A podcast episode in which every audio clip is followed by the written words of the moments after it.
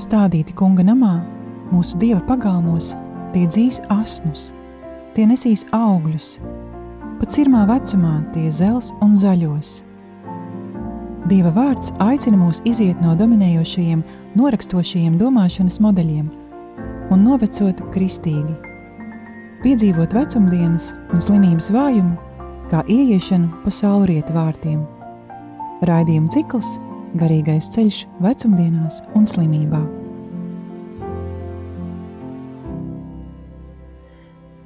Mīļie klausītāji, kārtējo reizi tiekamies raidījuma ciklā Garīgais ceļš vecumdienās un slimībā. Ar jums kopā būšu es, Euharistiskā Jēzus kongregācijas māsa Emanuela. Tā kā šis raidījums skan ierakstā, jūsu komentārus un jautājumus, kas radīsies, klausoties piedāvāto tēmu, aicinām sūtīt uz Radio Marijas studijas tālruni 266 77 272 266, 77, 272. Tāpat kā iepriekš, mūsu tēmas atklāšanai izmantoju Spāņu klostermāsas, Bībeles teoloģijas profesores Doloresas Aleksandresas atziņas. Vecumdienas slimības laiks, dažāda veida nespēja nav vienkārši mūsu dzīves etapi. Un reizē tā ir iespēja doties svarīgākajā mūsu dzīves ceļojumā Tāpēc šo laiku vajag izdzīvot ļoti apzināti, pilnīgā atdevē tam, kas notiek. Kā teicis kāds domātājs, nekad nav par vēlu, kamēr cilvēks nav nolēmis, ka ir par vēlu. Pagājušajā tikšanās reizē sākām aplūkot sešus Bībeles padomus, jeb sešas ceļzīmes, kuras dotas cilvēkam viņa vecumdienām un grūtību brīžiem. Pirmā no tām bija izteikta vārdā no pravieša Jeremija grāmatas apjozies. Tas ir aicinājums uz aktīvu, gatavības pilnu ieiešanu vecumdienu vai slimības grūtību pieredzē. Šajā stundā turpināsim runāt par citām divām ceļazīmēm. Otrā no tām atskan radīšanas grāmatā, stāstā par nākamā patriarha jēkaba cīņu ar Dievu. Visu stāstu var izlasīt radīšanas, ja pirmajā mūzes grāmatas 32. nodaļā. Jēkabs ceļodams kādu nakti satiek noslēpumainu svešinieku, ar kuru visu nakti cīnās. Rītam austot svešinieks, kas, kā izrādās, ir pats kungs, saka: Atlaid mani, jo svīst jau gaisma. Bet Jēkabs, stiprais Jēkabs saka: Es tevi neatlaidīšu, kamēr tu mani nesvētīsi. Vārds atlaid, jeb palaid skan kā pavēle jēkabam. Ebreju valodā tām ir daudzas nozīmes, kā atstāt, pamest, palaist, atteikties, piekāpties, ļaut, padoties.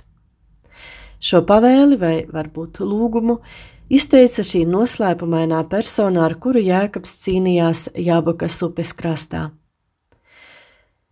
Daudzus gadus vēlāk to dzirdēs arī Marija Magdalēna, kura bija apskāvusi augšām celtā Kristus kājas dārzā pie kapa.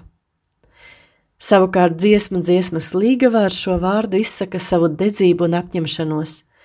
Mani sastapa sargi pa pilsētu apgaitā ejot, vai to, kuru mana dvēsele mīl jūs nemanījāt? Bet tiklīdz no viņiem es atgāju nost, tūdaļ sastapu to, kuru mana dvēsele mīl. Es satvēru viņu un nelaidu vaļā. Šeit dzirdam gan jēkaba, gan Magdalēnas motīvu. Dziesmu dziesmās saskan vienmēr gan vecā, gan jaunā derība. Šis bija fragments no dziesmu dziesmas trešās nodaļas. Atlaist, palaist vaļā, šis vārds varbūt skan dīvaini un tā negaršīgi tādā kultūrā kā mūsējā, kur vienbalsīgi tiek ieteikta tieši pretēja prakse – iegūt savā īpašumā, sargāt, krāt, paturēt. Tādā veidā tiek audzināti cilvēki, kuri ir pārliecināti, ka dzīves mēķis ir iegūt, pirkt, dabūt īpašumā, kā teicām. Bet vārdā atlaid slēpjas daudz citu vārdu, kuri ir ļoti tuvi evaņģēlīja kodolam un arī daudzu garīgo skolotāju padomiem. Kā piemēram zaudēt, pārdot, dot, atstāt, nekrāt, nevākt šķūņos, alkatīgi neturēties, palikt tukšam.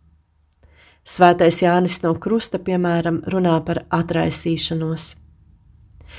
Šis alternatīvais pārsteidzošais ceļš atveras mūsu priekšā tieši tad, kad sākam ar vien biežāk piedzīvot zaudējumus. Un kas notiek tajā brīdī, mūsu gan psihiskais, gan somatiskais organisms izlaiž nagus un piesūcekņus, lai tikai tam nekas netiktu atņemts. Mēs cenšamies par jebkādu cenu paturēt to, kas līdz šim deva drošību mūsu dzīvē, un ar ragiem un nagiem varam aizstāvēt visu to, kurā varbūt jau ļoti ilgi balstījām sava es tādu imidžu – piemēram, veiksmīgums kādā sfērā, no vislielākajām līdz vismazākajām, bet tur, kur es, es biju, kur saņēmu atzinību, e, kur man bija kādas ziņas, kur mani darbi, ieradumi, sfēras īpaši, kur, kur es pieņēmu lēmumus, kur biju neatkarīgs. Marka evaņģēlijā 4. nodaļā mēs lasām Jēzus līdzību par cilvēku, kura piemērs rāda, cik gudri ir atlaist. Tas ir stāsts par zemnieku, kurš iesēja zemē sēklu un pienācīgā laikā ievāca ražu, un tomēr reizē viņš prata galvu īpaši negrozīdams ar paļāvību dzīvot savu ikdienas ierasto dzīvi, mierīgi iet gulēt un celties, ļaujot uh, sēklai paveikt pašai savu darbu. Nemēģināja iejaukties un kontrolēt visu, kā tas notiks. Ģeniālā bērnu rakstniece Astrīda Lingrēna savā personāžā Karlsonā ļoti labi parāda tādu parodiju par šo mūsu e, nemitīgo ņemšanos, kā tas tagad notiks, ja, es tagad nokontrolēšu, kāds rīt būs laiks, ja, kas, kas būs, kā cilvēkiem jāuzvedas. Iespējams, atceraties, tur tāds maz, maza epizode no grāmatas par Karlsonu un brālīti, kad Karlsons iestāda apēstā persika šķiet eh, sēkliņu puķu podā, lai izaugtu persiku koks, un katru dienu, kad ierodas ciemos pie brālīša, izvelk sēkliņu, lai pārbaudītu, vai koks nav sācis augt. Kā saprotam, eh, šāda pārbauda sēklē par labu nenāca. Atgriezīsimies no Karlsona pie stāsta par patriarhu Jēkabu. Pirms nekā ir aprakstīta viņa cīņas ar svešinieku aina, tiek stāstīts par to, kā Jēkabs pēc ilgiem kalpošanas gadiem svešā zemē tagad ar visu savu jau ļoti lielo ģimeni, ar kalpiem, ar bagātīgiem ganāmpulkiem, ceļo mājup, lai izlīgtu ar savu brāli Ēzavu, piedāvājot viņam kādu daļu no savas bagātības kā atlīdzību par iepriekšējo pāri nodarījumu. Un teksts saka šādi: Dāvanas devās viņam pa priekšu, un tonakt viņš pārnakšņoja nometnē. Vārds pārnakšņot, jeb palikt uz vietas, īpaši šī nakts simbols, izsaka laika posmu, kad darbošanās apstājas. Un pēkšņi visa dzīvē uzkrātā bagāža izrādās otrā krastā. Kamēr mūsu pašus piemeklē dažādi mazi un citreiz nepārāk mazi ierobežojumi, kuri nu kļūst par mūsu ceļabiedriem.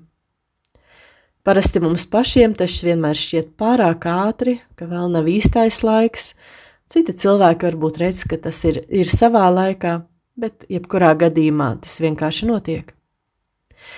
Evanģēlijas arī sniedz ļoti spēcīgus simbolus šim zaudējuma procesam. Atceramies līdzības par zagļiem, kodēm, rūsu. Varbūt, varbūt jau ir laiks apņemties atlaist un riskēt, riskēt ļauties, lai mūs ved.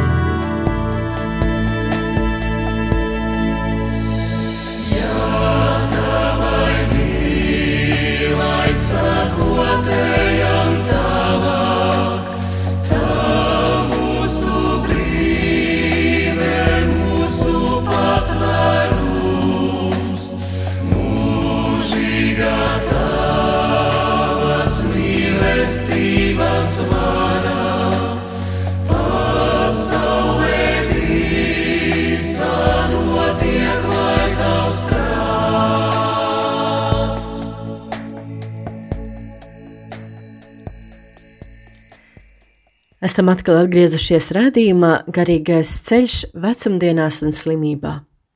Un runājam tālāk par vienu no Bībeles ceļazīmēm šai dzīves ceļojuma posmā, kuras skan atlaid. Ļoti spēcīgi šī tēma izpaužas senā patriarha Ābrahama un viņa sievas Sāras dzīvē. Viņa bija jau ļoti gados, kad saņem kunga solījumu, ka viņiem piedzims apsolījuma dēls Īzāks. Abi vecīši tikai pasmējas par tik nereālu nākotni. Ābrahams burtiski atmeta roku, un viņš lūdz daudz cilvēciski reālāku lietu, lai tikai Dievs svētī viņa dēlu Izmēlu, kas ir dzimis no verdzenes. Izmēls bija viņu tagadne. Tas ir dēls, ko viņi ar abi ar sāru bija nu, sastrādājuši, dabūjuši paši ar savu gudrību un pūliņiem, uh, kāds, ko viņi varēja paņemt klēpī, pieskarties, apskaut, redzēt. Savukārt īzāks, kā tīrais kunga solījums, kurš nebija līdz šim piepildījies, simbolizē nākotni to, kas tiek saņemts kā dāvana, kas jau vairs ir necerēts. Kaut kas, kas ļoti tālu pārsniec veco Ābrahama un Sāras cilvēciskās robežas un aicina ieiet jaunā, kas ir dieva iespēju zemē. Un Ābrahams notic, kārtējo reizi viņš notic dievam, un tas viņam tiek ieskaitīts kā taisnīgums. Nevelti Ābrahams ir mūsu ticības tēvs, mēs visi esam Ābrahama bērni ticībā. Viņš ļauj, lai ar saviem spēkiem iegūtais aiziet mīnusos, un saņem pārsteidzošu ziņu, ka viņam tiek dāvāts nenopelnīts milzīgs kaut kur jau aizmirsts cerēt mantojums. Tāpat kā tas reiz jau bija viņa pagātnē, kad viņš izgāja no Ūras zemes, atstāja savus vecākus, tās zemes dievus ieradumus un devās ceļā, nezināmā ceļā dieva vadībā, saņemt jaunu apsolīto zemi. Nabaga jēkabs drosmīgi cīnījās ar savu pretinieku, lai dabūtu viņa svētību, un kad viņš to saņem, tikai tad, kad piekrīt viņu atlaist.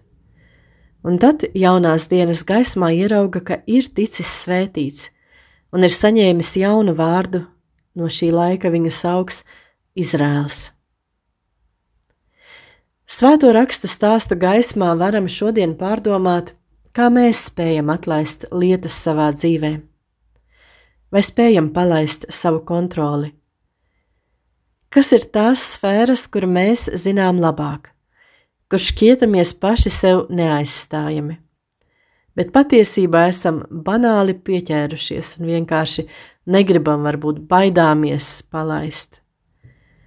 Vai spējam klusi atdot vietu citiem, kad ir pienācis laiks? Arī tad, kad iespējams mums nepatīk tas, kā viņi darīs tās pašas lietas, tas nebūs tā kā mēs, varbūt mums nav saprotami, vai arī tad. Protams, šeit jābūt ļoti godīgiem gan savā, gan dieva, gan cilvēku priekšā. Nevajag palaist kaut, to, kaut ko agrāk, piemēram, slinkuma vai, vai baiļu dēļ. Lūksimies tajos nodomos. Tāpat lūksim bieži Dievu svēto garu, lai mūsu mazajos un dažreiz lielajos atteikšanās žestos neielavītos tādas lietas kā aizvainojums, atriebība vai vienaldzība. Vai kurš no mums nav kādreiz pateicis, ak, ak tā, nu ja manis šeit nevajag, tad tieciet nu paši galā. Apzināsimies arī, ka ir daudz veidu, kā arī tālāk piedalīties ģimenes, kādas kopienas, draudzes, sabiedrības, profesijas dzīvē. Mums varbūt vairs nevajag kontrolēt, pieņemt lēmumus, Bet mēs vienmēr varam un vajag ar lūgšanu un, un prasītu padomu atbalstīt tos, kuri nāk mūsu vietā. Dod Dievs, lai psalma vārdiem sakot, mūsu mēle pielīp pie augslējām, kad gribas teikt tādas frāzes kā manā jaunībā tā gan nebija, vai arī ko jūs te tagad ņematies, to jau ir mēs izmēģinājām un tas nekad nav izdevies, vai arī jūsu jauno problēma ir tajā, ka Un lai tas artrīts, kas ir mūsu pirkstos, ir jau kā atgādinājums tam, ka pietiek rādīt ar pirkstu un bakstīt vietās un lietās, kur līdz šim kontrolējām un norādījām. Un vienalga, vai tas būtu svarīgs amats kādā institūcijā, nezinu, draudzē, vai arī mūsu stingri noteiktās normas, uz kuru pusi virtuvē ir jābūt pagrieztiem pannu rokturiem. Lūksim bieži arī tādu īpašu žēlastību, lai Dievs mums apskaidro prātu tad, kad sākam atkal stāstīt par savām slimībām un kaitēm, ar vienu no jauna visu detalizēti, kopš pamošanās brīža uzskaitot palaid. Angļu filozofs Tomas Grīns ir, ir teicis tādu skaistu līdzību. Viņš rakstīja, manu izpratni par to, kas ir lūkšana, tātad arī kas ir dzīve, pamazām pārņēma simbols par cilvēku, kas šūpojas jūras viļņos. Peldētājs ir ļoti aktīvs un peld uz kādu pusi, savukārt tas, kurš šūpojas viļņos, ļaujas, lai viņu nes straume un izbauda pašreizējo brīdi. Viņš arī kustas uz kādu pusi, tomēr par virzienu rūpējas nevis viņš, bet straume, kas viņa nes. Svarīgākais viņa lēmums un darbība ir uzticēties jūras vējam. Ja viņš to dara, viņš var atslābināties, uzticēties straumei un intensīvi izdzīvot tagadnes brīdi. Nākamā ceļa zīme vecumdienu un slimības ceļā ir vārds atceries. Atkārtotā likuma, jeb ja 5. mūzes grāmatā, 8. nodaļā teikts: Atceries visu ceļu, ko kungs tavs dievs lika tev iet visus šos 40 tūkstneša gadus. Visus šos 40 gadus tavas drānas nedila un kājas netūka. Tā Mozus aicināja tautu šādā veidā vēlreiz izlasīt savu pagātni, un ieraudzīt tajā dieva gādīgo mīlestību uz viņiem. Tā darīja arī patriarchs Jēkabs, jau atceramies pirms nekā svētīja Jāzepa dēlus. Viņš teica, Dievs, kura priekšā staigāja mani tēvi Ābrahams un Izāks, un tas Dievs, kurš visu mūžu ir ganījis mani līdz šai dienai. Uz to mudināja arī Jēzus savus mācekļus tiem jautādams, Kad es jūs sūtīju bez maka, bez somas un bez apaviem, vai jums kā trūka?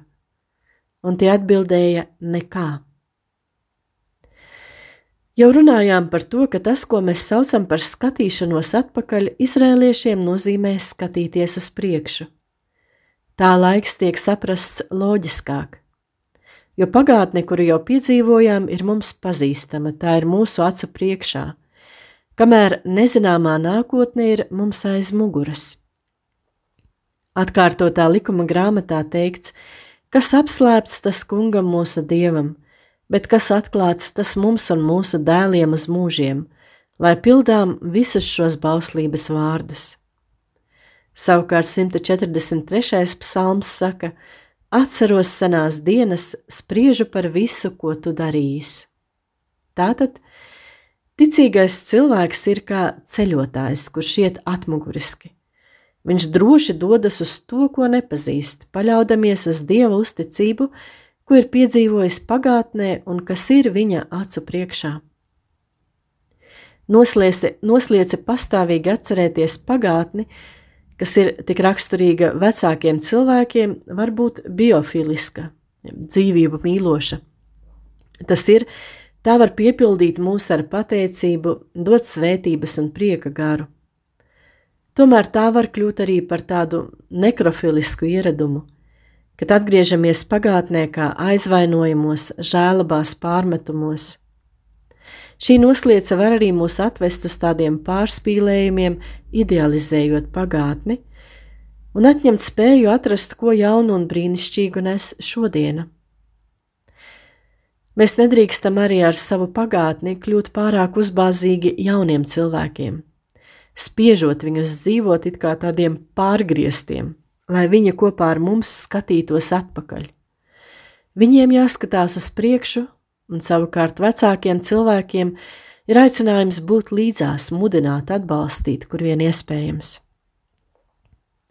Ja noslēdz savus pagātnes atmiņā mūs iemidzina, sastindzina, mēs rada mūsos apjukumu kaut ko negatīvu, tad iespējams mums vairāk jāpievērš uzmanība citam bībeles piesacījumam no pravieša izseja grāmatas.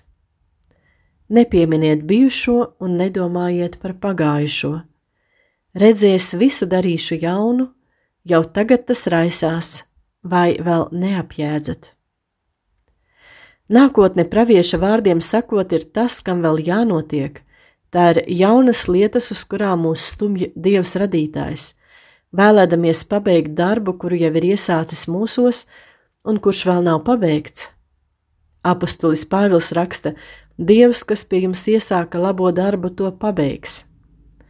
Un 138. psalms apliecina: Kungs neatmet savu roku darbu.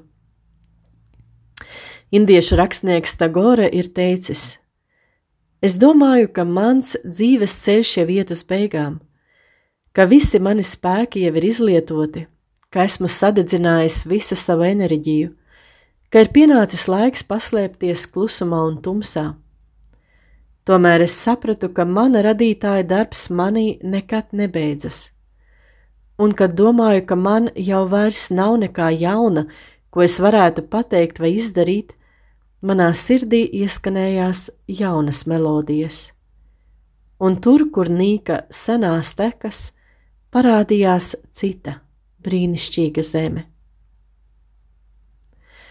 Atcerēsimies šos rakstnieka vārdus un piemērosim praktiski, mēģināsim ieraudzīt tajās nīkstošajās tekās jaunu zemi. Piemēram, satiekoties ar citiem, varbūt vecāku gada cilvēkiem vai varbūt līdzīgu slimību piemeklētajiem, varam pārbaiņus pabūt viens otru uzklausītāji un pārunāt tādas lietas, kā piemēram, kā man nebūt nospiestam, ja man tai pašā laikā pienāca pensijas gadi, artroze un katarakta. Vai arī tieši šobrīd es esmu tik lielisks pasniedzējs, man tik daudz ir ko teikt, bet mani sūta strādāt pie bibliotēkas katalogiem. Ja. Vai tikko sāku plānot nodarboties ar izšūšanu, bet Parkinsona slimības dēļ sāka drebēt rokas. Vai arī cerēju, ka beidzot varēšu paceļot un ieraudzīt pasauli un saķēra muguras sāpes. Kāda ir jaunā zeme? Nebīsties dzīvot mīlestībai šīs mīlestības dēļ dzīvot vērts, nebīsties dzīvot mīlestībai, šīs mīlestības dēļ dzīvot vērts, mīlestības gaismā, ticībā drošā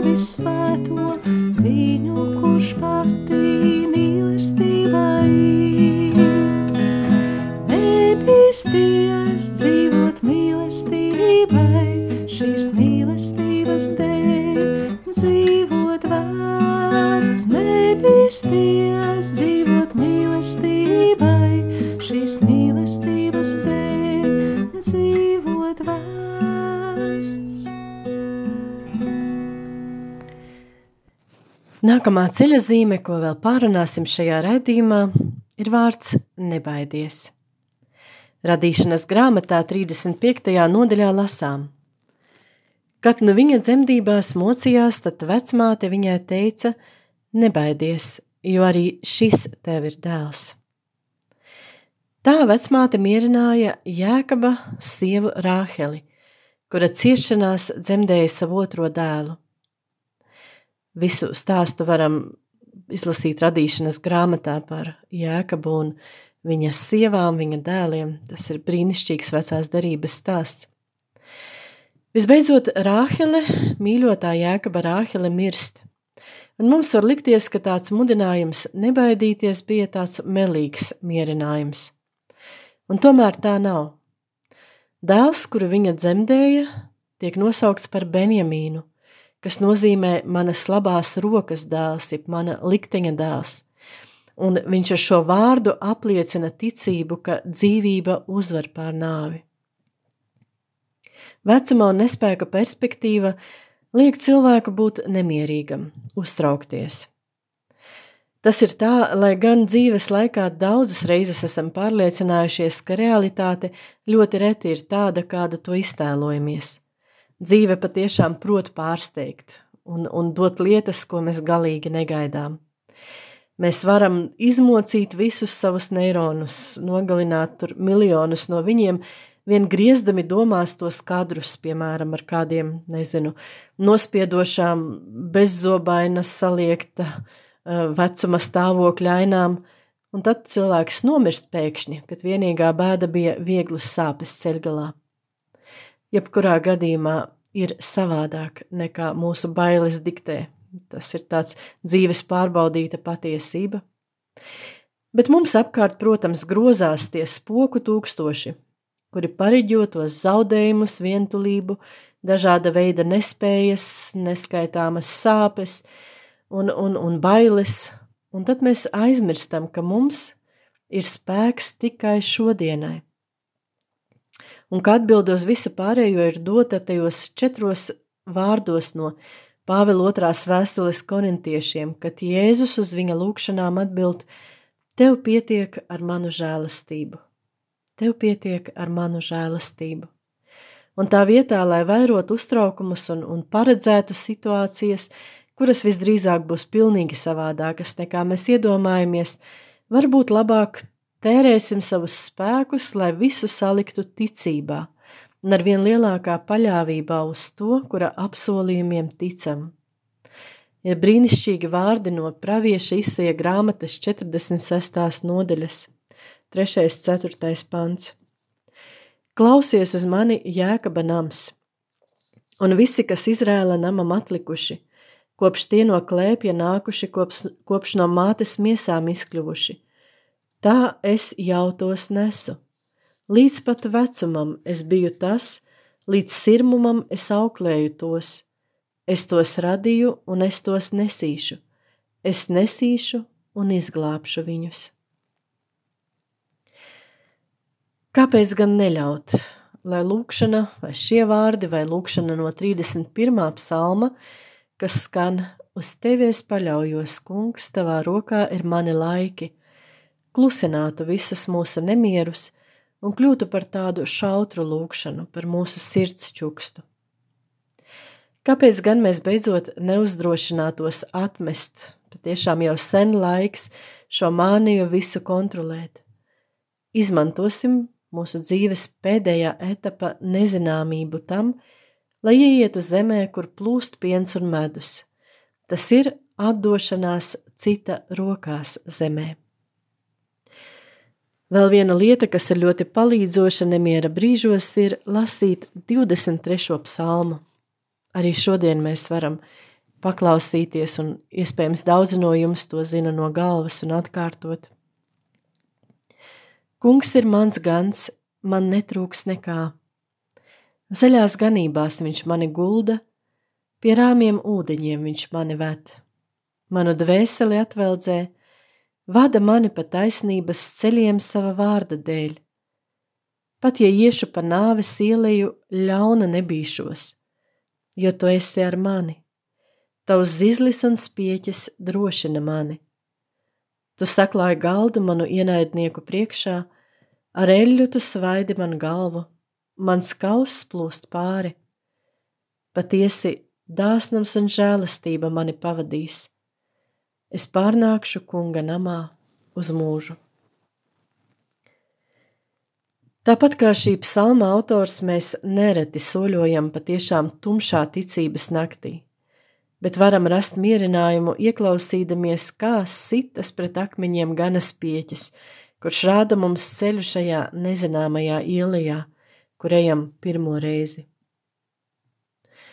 Brīnišķīgais Konstantinopolis patriarhs 20. gadsimta vidus patriarhs Atenagors ir liecinājis. Es dzīvoju daudzus gadus cīnīdamies ar sevi, un tas bija briesmīgi, bet tagad es esmu atbruņots. Es vairs ne no kā nebaidos, jo mīlestība padzen bailes. Esmu atbruņots, es vairs nevēlos, lai man būtu taisnība, un negribu sevi attaisnot uz citu rēķina. Es vairs nedzīvoju tāds vērīgs, skaudīgi sargādams to, kas man pieder. Es pieņemu un dalos.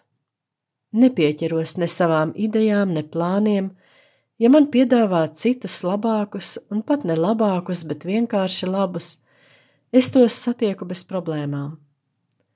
Es atsakos salīdzināt un tas, kas ir labs, taisnīgs un īsts, manās acīs vienmēr ir vislabākais.